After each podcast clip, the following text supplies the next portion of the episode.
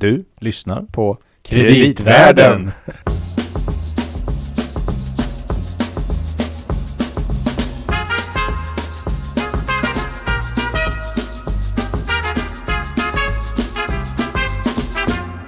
The euro is irreversible. Så lät det alltså 2012 när Mario Draghi skanderade att euron är för evigt. Vi, vi har ju pratat en del om Grekland tidigare, Gabriel. Vi har ju det. Eh, och även Roger. Ja, vi, jag har också varit med någon gång. Precis. Ja, ja, precis. Mm. och jag heter Gabriel. Det här är... Och jag heter Louis. Ja. Och jag heter Roger. ja, just det. Tillsammans är vi A Band of Brothers. och det där var Draghi. Ja, Ja. Och det här är, beroende på vart du lyssnar, så är det här antingen kreditvärden eller chefekonomen Rogers podd. Ja, just det. Eh, som, det här är en samproduktion den här gången för att nu eh, är det, nu brinner det i faggorna, inte ett uttryck, men det brinner i faggorna vad gäller Grekland och vi känner att vi behövde göra en samproduktion och reda ut, eh, verkligen. Poola Vad- resurserna. Vi har ju haft eh, tidigare pratat Mm. om både Grexit och sen förra gången var det Grexident. Just det. Nu på sista tiden har det kommit till två till sådana här. Varofexit var ju den ena här när Varoufakis avgick. Och sen eh, noterade jag även Grimbo. Okej. Grekland i limbo. Mm. Efter greferendum då antar jag. Ja, exakt. Okej, just det. Varoufexit var det senaste som hände och det var ju efter att man hade haft sitt referendum, en folkomröstning, Just det. ja, i söndags. Resultatet var Oxy. Nej.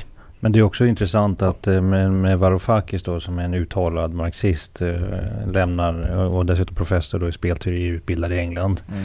Och så råkar de hitta en till. Det tycker jag är lite intressant. Ytterligare en marxistisk. I, i Oxford. Ja, men... Olika skolor. ja, det är i alla fall olika skolor, ja, precis. Men man funderar på hur många eh, liksom, grekiska professorer vid engelska lärosäten finns det som är marxister. Mm.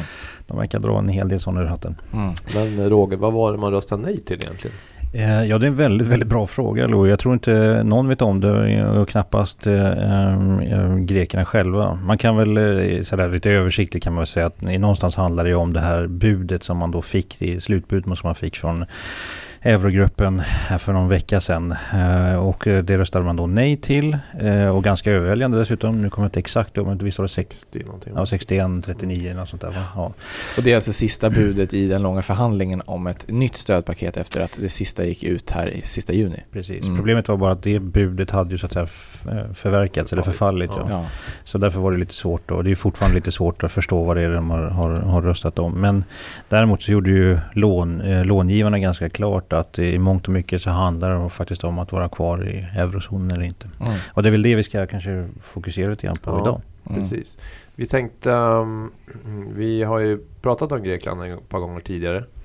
Um, och apropå det här med referendum, om vi nu ska liksom hoppa lite grann i, tillbaka och Mm. ta ett avstamp, kanske tänka efter hur kom det sig att det blev på det här viset. Um, så är det ju faktiskt så att den här frågan om folkomröstning kom ju upp redan i slutet på 2011 faktiskt. Mm. Precis, det var Papandreou som, eh, som då i, när han kände att han inte liksom riktigt hade mandat längre för att förhandla med, med långivarna eh, lite grann out of the blue utlyste en folkomröstning. Men det fick han ju... Det är Eh, ganska intressant för den tanken där var ju nästan lite mer ärlig hålla på att säga. Men att det var kanske mer Tydlig. tydligt. Ja. ty- tydligt Ska vi lyssna på fråga. hur det lät när Papandreou pratade med journalister i november 2011? But the essence is that it is, this is not a question only of a program. This is a question of whether we want to remain in the Eurozone. That's very clear. That should be clear to everyone. Ja eller nej till euron?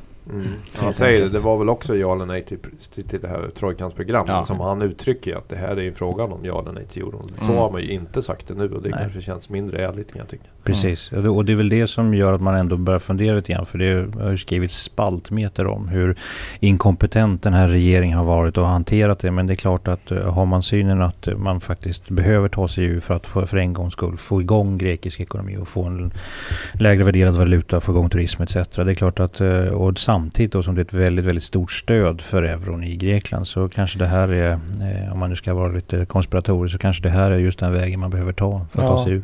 Alltså efter att valresultatet kom in där i söndags kväll så sa ju eh, Tsipras själv i sitt tal att mandatet som ni har givit mig eh, pekar inte mot ett, en breakup med, med, med Europa utan ger mig snarare starkare förhandlingsförmåga eller starkare förhandlingskort.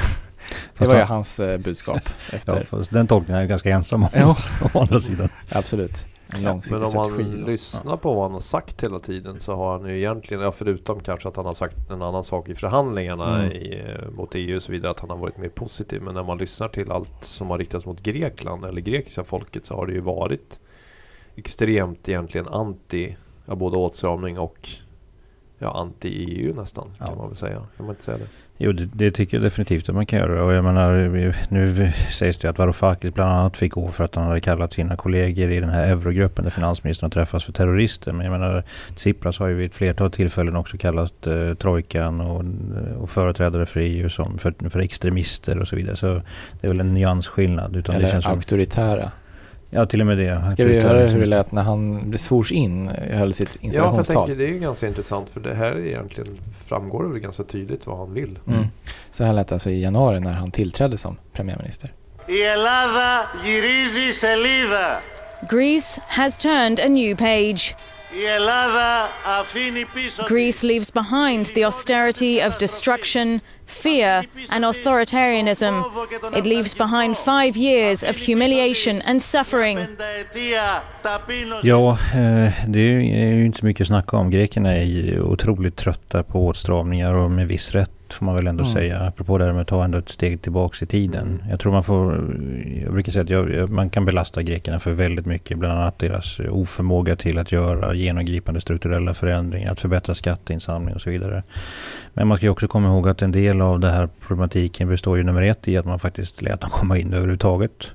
Mm. Eh, nummer två eh, i att eh, eh man här under då när krisen var, den första krisen var lite akut och att man helt enkelt valde att i princip baila ut franska och tyska banker.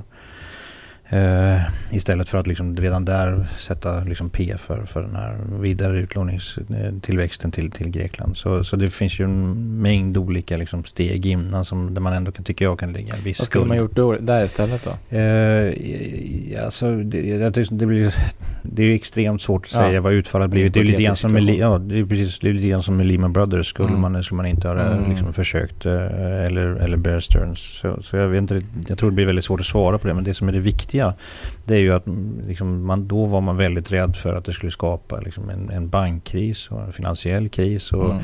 Det som Tyskland och Frankrike lyckades med var ju faktiskt att dela den bördan på resten av eurozonen också. Så det är inte... Men, men i och för sig kan man, man kan ju ändå säga att man gjorde den här enorma bail-in eller vad man ska kalla det för 2012 ju. Mm. Och då skrev man ju ner mycket av skulderna. Och man kan Mm. ju säga att den, själva den transaktionen, om man ska kalla den, blev ju väldigt lyckad tack vare att man var villig att stoppa in nya pengar Mm. och kunde få alla banker att gå med på det här. Så då Precis. åstadkom man ju faktiskt en jättestor nedskrivning. Mm. Sen kan man säga att sen har den här åtstramningspolitiken och så vidare har ju såklart gjort att då har ju ekonomin fortsatt att krympa plus Mm. att man inte har levererat på massor med de här grejerna som man skulle ha gjort. Mm. Så då har man, finns det liksom återigen ett behov. Jag tänkte precis säga, det var väl också då i samband med det så kom man också överens om ett eh, jättestort paket med inte minst IMF Mm. med ett antal åtgärder som skulle genomföras eh, för att man skulle få fortsatt finansiering då på, av de här trojkan. Liksom. Och det har man inte riktigt lyckats med, särskilt inte den nya regeringen har ju haft en i och för sig en annan åsikt om eh, effekten av de här. Ja, Men alltså- vissa sådana saker som privatiseringarna till exempel har man ju inte alls gjort Nej. överhuvudtaget och sånt där. Precis.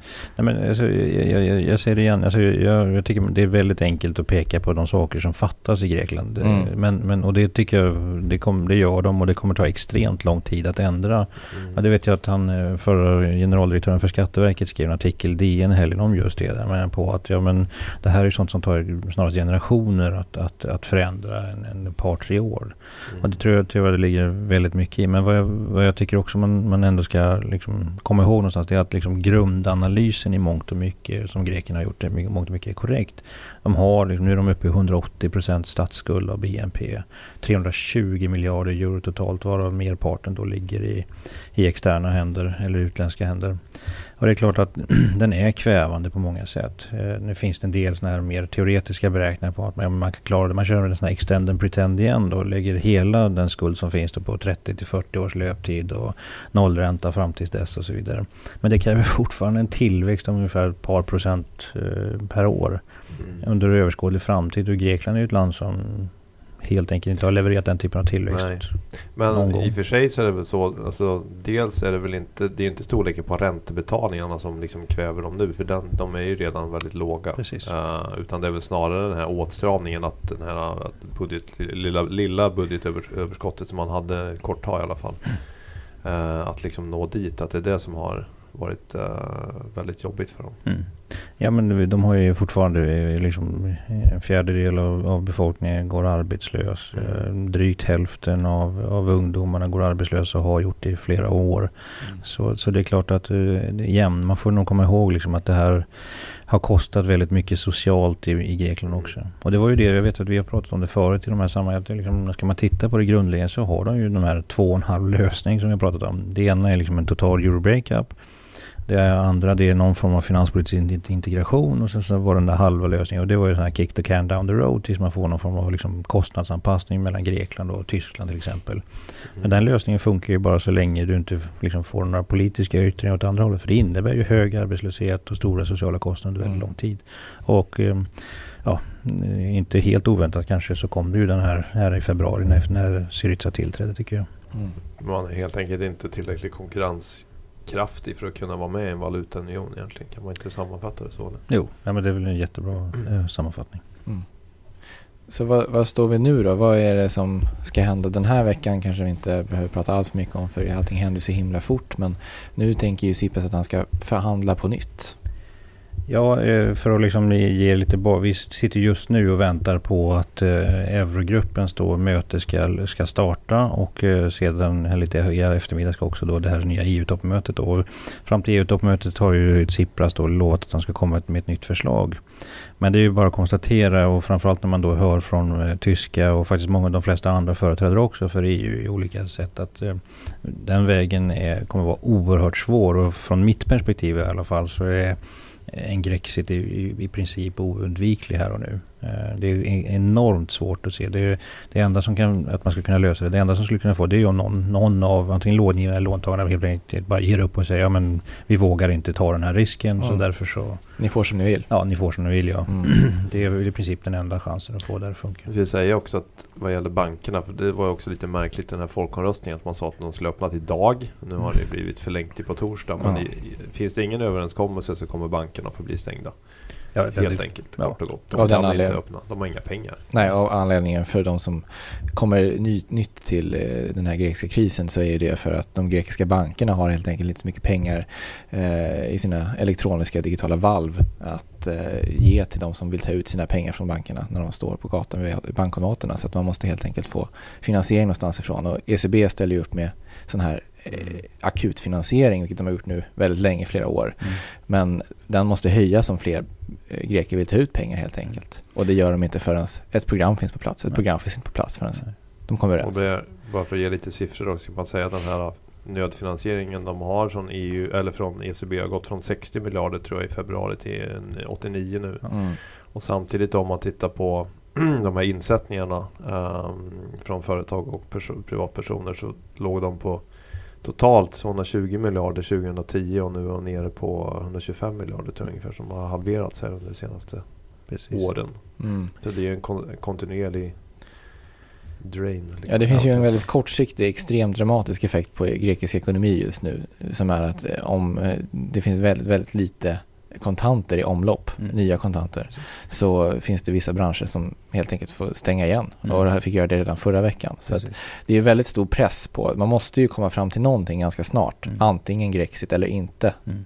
Ja, alltså, återigen för mig, alltså, den här att komma överens. Nu, nu ska man ju komma ihåg att Tsipras fick ju ett resultat som i princip säger att, och när han dessutom har gått ut och i princip lovat att han ska få ett ännu bättre Mm. eh, utfall.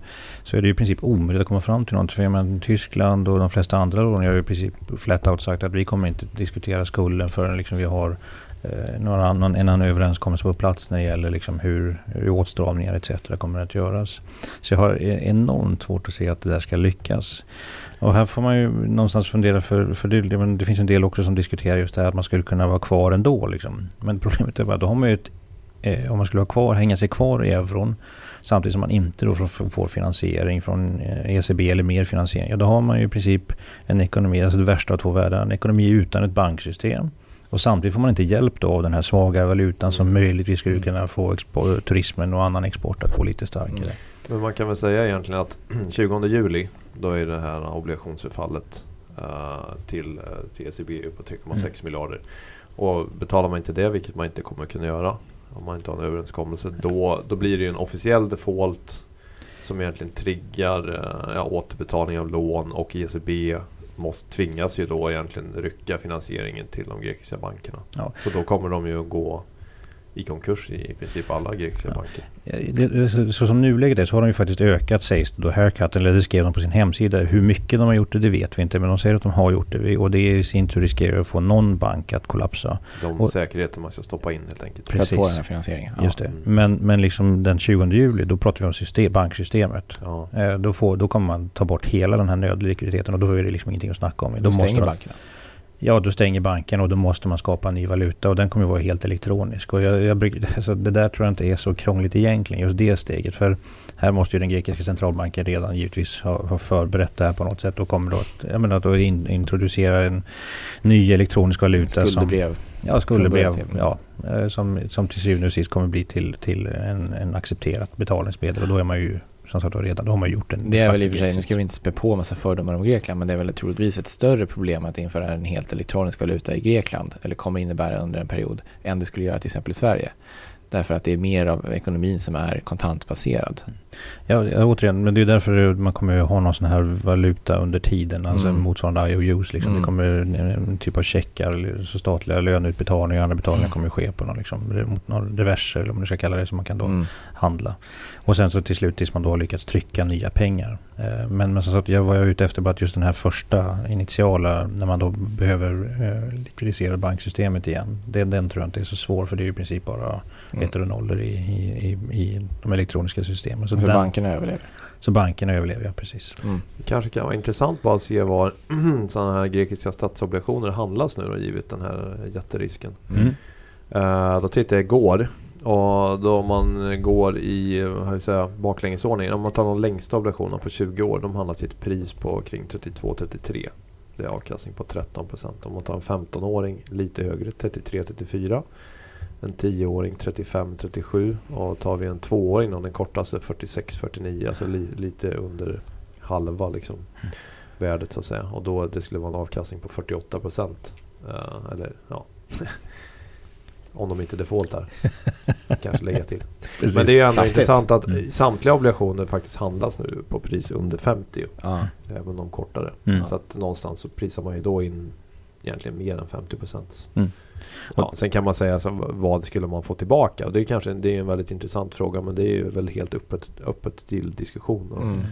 Olika länders historik, eh, vad man tar tillbaka är väl allt ifrån eh, liksom, vad Argentina var väl 20-30 procent eller sådär va? Ja, ja, Och, eh, 20 någonting, ja, precis. ja, och Mm. upp till nästan 100 i vissa fall kan Mm. det vara. Precis. Om det blir en sån här kaotisk default så är väl också risken att man hamnar i ett Argentina-scenario. Nu finns det väl i och för sig väl ganska få privata så att säga och, det, och då menar jag icke, så här, inte institutioner, inte EU, inte IMF Nej, som precis. har lånat ut pengar till Grekland. Så man slipper i och för sig mycket av det men man får ju ändå, man har en del sådana.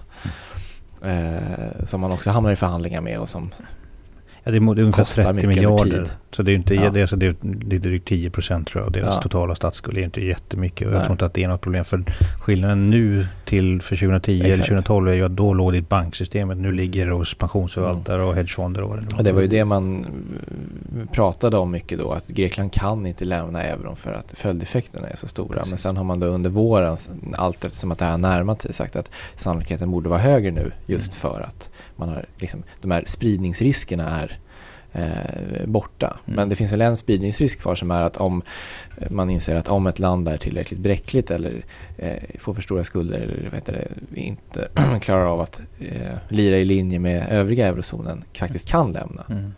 Ja, alltså, jag tycker lite grann... Portugal, Spanien. Precis, ja, och jag tycker också lite grann det som, som Louis är inne på här. Att man får ändå konstatera någonstans att reaktionerna på finansmarknaden, även om de har varit tydliga, har ju varit förhå- alltså förhållandevis kontrollerade så här långt. Det har inte varit några liksom, ge- genomklappningar på, på börser etc. Vilket man kanske förväntar sig. Eller att euron skulle gå enormt mycket svagare. Vilket ju inte heller hänt. Precis, det kan det ju vara, eftersom vi pratar om Greklands statsobligationer, bara intressant att notera att till exempel Italien och Spanien tioårsobligationerna där ligger ju på en ränta kring 2,3 procent. Ja. Mm. Det är förvisso upp, eh, jag tror att det var 1,4 procent i april. Men eh, det är ändå som du säger väldigt, väldigt beskedliga Mm.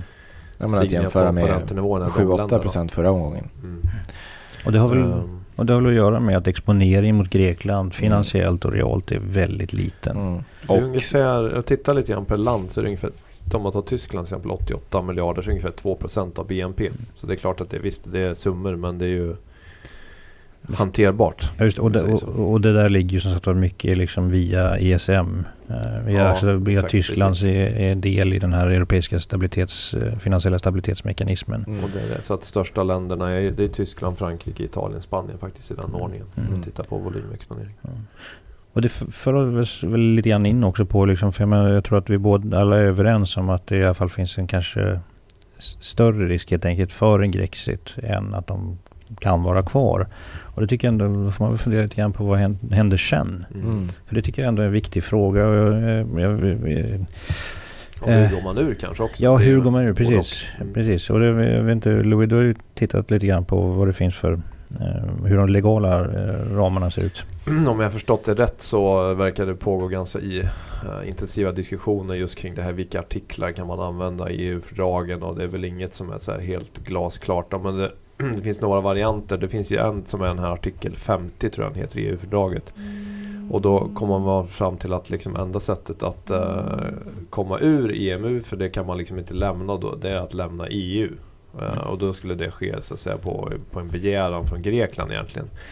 Men samtidigt har man ju konstaterat att ja, men det, det vore kanske lite väl drastiskt och många vill kanske ändå se att de finns, så att säga, är kvar. Och då finns det två andra artiklar som man pratar om. Den ena är artikel 7 som är där man pratar om att om man bryter det man kallar för europeiska värden så kan EU-kommissionen egentligen besluta om någon typ av åtgärd. Då. Mm. Ehm, ja, och det skulle man kunna göra liksom utan att Grekland är med på saken. Det här känns väl kanske lite sådär tveksamt men okej det, det skulle vara en variant. Mm. Ehm, och sen finns det en artikel som man kallar för artikel 352 där man kan göra olika typer av justeringar för ett land.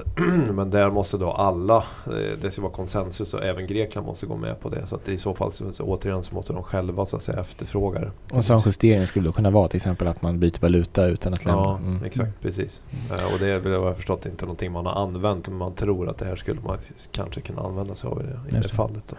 Ja, för jag vet att ECB hade ju något, något papper för några år sedan när det började det här. Och det var ju precis deras kontenta också. Liksom att det är extremt svårt att tvinga, alltså formellt tvinga Grekland att gå ur. Däremot kan man ju göra det genom att till exempel just klippa stödet till dem och sådär. Men, men det måste, begäran måste i princip komma från grekerna själva. Att vi, vi, kan inte vara kvar, orkar inte vara kvar. Och att till exempel då emittera ny valuta skulle definitivt då konstituera ett, ett brott mot de europeiska värdena. Mm. Mm. Nej, precis. Och vad händer sen då, som du sa Roger? Ja, jag tror att man ska... Eh, här får man ju vara lite försiktig. För återigen, nu är du inne på det politiska området och där känner jag väl kanske inte helt trygg. Men i mångt och mycket beror det på liksom EUs goda vilja och någon form av politisk ork helt enkelt. För menar, det finns ju två spår att ta här och det finns ju det dåliga spåret det är ju att Grekland kollapsar. För nu får man komma ihåg, om de går ur då kommer de ha egen valuta som kommer försvagas enormt kraftigt i, i, i, i värde. Vilket kommer att skjuta, få liksom importpriser och inflation att skjuta i höjden en mass. Och då ska man komma ihåg att de importerar i princip allt. De är en klassisk underskottsekonomi. Eh, sen är det då förhoppningen då att man ska samtidigt då få igång sin exportsektor och den består ju mestadels av, av turism. Eh, det finns också en del sådana här så kallade rare metals. Och så finns det shipping. Det är liksom och lite jordbruk. och lite jordbruk också, ja, precis. Men, men de här sektorerna eh, hoppas man då ska ta sån fart så att det liksom får igång sysselsättning och löner och Mm. tillväxt och så vidare. Men det är ju det är liksom kortsiktigt så får vi då en väldigt stor inflationsimpuls och den måste man ju hantera och det är ju det som man är lite rädd för. Grekland har ju historiskt inte varit så jätteduktig på att införa de institutioner som krävs och det är ju faktiskt det som de kommer behöva göra nu om de nu ska få ordning på sin stat. För annars riskerar det ju bara bli en Du menar en självständig riksbank med inflationsmål? Eh, Ja, faktiskt. Och, och ett fungerande sådant. Och detta som sagt var är väldigt stor socialt och politiskt tumult. Och skatteväsen och allt vad det. Och skatteväsen och allt gör. Men som sagt, det är omedelbart då extremt snabb och stark inflationsimpuls som ju kommer att eh, urholka köpkraften för liksom Grek, Greklands Ytterligare. ytterligare för grekiska befolkningen. Och det är den som är liksom den stora faran för mig. För där i ligger väl också det här som, jag vet att Larry Summers har varit inne på det också. Det finns faktiskt en tydlig risk för att du får en failed state. Det vill säga ett, ett land som, där staten kollapsar helt enkelt. Utan regering? Eller? Utan regering, ja. Och här är det ju lite otäcka vibbar man får. Jag såg att Kameno som då är försvarsminister till exempel, han gick ut i helgen och sa någonting i stil med att eh, armén eller försvaret garanterar den interna stabiliteten i Grekland och så vidare. Så det, man får ju väldigt mycket sådär lite lätt otäcka vibbar Mm. eh, från, från... Givet historiken ja. Mm. Ja, dessutom givet Det är väl en historiken. självklar poäng kanske, även om man glömmer. Men det är ju en ganska ung demokrati. Jämfört med andra europeiska länder i alla Ja, fall. och ändå så gammal. Mm. Först. det är som du ungefär Roger. ja, Ja, precis. ja, Nygammal. det är gammal. Nej men eh, det är ju helt riktigt att det, det var ju på 70-talet hade man ju faktiskt en militärdiktatur i Grekland. Det ska man ju komma ihåg. Eh, och det är klart att eh, when push comes to shove så är det klart att eh, om, om, om risken är att, man, att hela staten kollapsar, det är klart att ja, då är frågan vad finns det egentligen för möjligheter att städa upp i Grekland. Det är klart. Också ett, land, eller ett folk som törstar, eller vi kan inte prata om folk i de här sammanhangen kanske, men eh, ett land med människor som törstar efter någon slags stabilitet också. Mm, säkert. Så, så det är ju den, men nu, nu ska vi inte... inte spekulera för mycket. Men, Nej, men alltså, där han, det är ju liksom den, självklart den dåliga lösningen då. ja. Sen finns det ju en god lösning, eller vad man ska kalla det. För lite grann som Lou är inne på, har väl jag också sett det som att går man ut ur EMU så går man också ut ur EU. Det finns liksom inget, inget mellanting där. Nu är det ju politik vi snackar om och där verkar reglerna vara lite mer eh, böjliga. Det var inte första gången man ändrar på reglerna för Greklands skull. Nej, eh, så det kan väl möjligtvis hända igen då. Men, men man skulle ju åtminstone kunna erbjuda dem ett snabbspår in i EU. Eh, och detta är ju just för att få igång grekisk ekonomi i alla fall igen. För jag tror inte att Europas ledare vill ha den här failed state på sin tröskel. Eh, av flera anledningar. Så eh, låt dem komma in i EU igen och åtnjuta de här fyra friheterna. Och sen så får vi väl se om de då får institutionerna på plats för att en gång i framtiden då få igång det igen då. För att lämnar du både EMU och EU så står du ju utanför mycket annat än valutan som kanske skulle vara väldigt viktigt för dem i en sån här situation. Med fri rörlighet av varor och tjänster och som, som troligtvis skulle ja, stjälpa dem en hel del om man inte hade med den att göra. Ja. Jag menar, alltså, jag menar kapitalkontroller ut ur. Schengen. Liksom, vad ska- vi ha visum för att åka? Alltså, det finns en massa frågor. Men det som är viktigt också tycker jag det är att komma ihåg hur sjutton ska andra länder se. Det är därför det blir så viktigt hur EU responderar. För man har ju en massa långivarländer som då kommer och det kommer ju hända i vilket fall som helst. Oavsett om de så att säga, är kvar eller inte så behöver de skriva ner skulder. Det är liksom Mm. helt uppenbart tror jag, för alla just nu. Och då kan vi fundera på hur kommer långivarländer och elektoraten i långivarländer att reagera? För det är klart när Angela Merkel ska förklara för den tyska befolkningen att om man nu räknar med de här Target 2-balanserna då ligger de ju nästan upp mot 100 miljarder euro. Det är ju ändå rätt mycket pengar. Hur ska man förklara det för det tyska elektoratet? Vi behöver skriva ner den här, den här exponeringen kraftigt. Och Bundesbank har redan flaggat för att de behöver ha mer pengar för att just ta höjd för den här en blivande eller kommande grekisk skuldavskrivning och så vidare. Otroligt svårsålt för Angela Merkel och Det andra. blir väl en ganska tung debatt för henne också. För hon är ju ändå en av de som har pläderat för att hon ska vara kvar och så vidare. Precis. Och tagit den striden. Och det kan ju slå tillbaka. Mm. Kan man tänka sig. Och sen har du å andra sidan har du ju de här andra perifera länderna. Spanien, Portugal och så vidare. Jag menar, de är väl kanske de som har varit mest eh, tydliga så här i de senaste veckorna om att Grekland inte ska få mer eh, lättnader helt enkelt. Och det handlar ju om att de i sina egna länder har motsvarande rörelser. Vi har den Podemos i Spanien till Och exempel. där är det ganska intressant. Vi har noterat att Podemos har ju hela tiden stött Syriza i Grekland. Eh, och eh, har ju fortsatt göra det nu. Så beroende på vad som händer kan det här både bli eh, möjligen positivt för Podemos. Det kan ju också bli väldigt negativt i opinionen i Spanien. Ja, eh, återigen, det är Faktiskt. därför det är så viktigt. Och, liksom, hur responderar EU och hur klarar Grekland av liksom, de här initiala chocken? För klart, tar man sig igenom, när man väl tar sig igenom den här initiala chocken i Grekland då finns det ju så att säga en risk om man nu ser det från det spanska etablissemangets håll att Grekland faktiskt går bra. Och skulle Grekland gå bra, ja då kommer det ju erbjuda en, en, en mall för Podemos. Liksom. Ja men det här var inte så farligt. Då går vi också ur och får tillbaka Pesetas och sen så får vi igång vår export och all annan exportindustri och så går det här fantastiskt bra igen. Men, eh, men den vägen känns ju väldigt, väldigt farlig. För det är klart att när vi pratar Grekland så är det hanterbara summor. När vi pratar Spanien och Ja. Italien, ja, då, Då är det... ja, då är det kris på riktigt. Mm. Eh, Huvva! Huvva, ja precis. Det finns väl en grej till också som jag tycker eh, man ändå, om man nu ska ta en, en, eh, lite, lite ljusare tilt eh, på det. Och det är att eftersom alla ändå är överens om att Grekland behöver någon form av skuldavskrivning och eh, så kan man väl se att om man nu låter eh, Grekland gå ur så kanske man också ska se det lite grann som en mall för hur man ska göra i framtiden och, och eh, utan att det för den skull behöver liksom förstöra Europa. För jag menar som ekonom i alla fall så tycker man att de här fria, fyra friheterna och frihandeln är väldigt, väldigt bra. Öka konkurrensen och rörligheten och så vidare. Eh, så, så i bästa fall så kommer man då fatta rätt beslut, låta Grekland gå ur, erbjuda dem snabbspår in, eh, få det här att som sagt vara var en mall då ifall det nu skulle hända igen med ytterligare länder och också få Europas eh, politiker att faktiskt börja förstå att vi kan vi måste ha en, en tydligt ökad integration, något finanspolitiskt liksom, instrument och så vidare. Den kommer ju inte bli lättsåld som ni säkert redan förstår, men ändå. Det, den diskussionen måste ju ändå börja tas upp nu. Mm. Never waste a good crisis, eller vad säger man? Precis. Om man nu vill att tyska skattebetalare ska börja tänka på hur mycket de kan förlora på Spanien och Italien också. Eh, ja, alltså jag menar går Grekland ur och de skulder som det kommer... Så... Gör en, som du säger, gör en mall för att, jaha då. Ja, nej, jag, jag var ute efter att det kommer man väl göra ändå. Eh, alltså så fort man får, för de här, de här skulderna, eller skuldnedskrivningen kommer man behöva ta ändå. Då får man väl svart på vitt och då bör man säkert räkna på, på Italien och andra länder också. Skuldnedskrivning låter ju, särskilt vissa länder, Finland till exempel, har man ju varit väldigt negativa till begreppet. Men det var inte Piketty som var ute igår och sa att om det är någon som har skrivit ner skulder i Europa historiskt så är det väl ändå Tyskland. Mm. Ja, och det är ju, är ju också ett, ett slagträ som framförallt grekerna har använt i debatten ja. också. Eh, Varoufakis har ju ständigt påmint eh, Tyskland om de skuldnedskrivningar de fick eh, efter, efter andra världskriget. Mm. Känns som att det finns uh, anledning att återkomma i den här frågan. Vad tror du Roger? Nej, jag tror det är över nu. Ja. Har vi sagt allt som behöver sägas nu om det här? Uh, jag, jag, tror det. Jag har inte så mycket. Men det man kan börja fundera på det är bara, jag tycker det är så, så fantastiskt igen liksom, när politikerna liksom går två eller tre steg före alla andra och egentligen förstör en god grundtanke.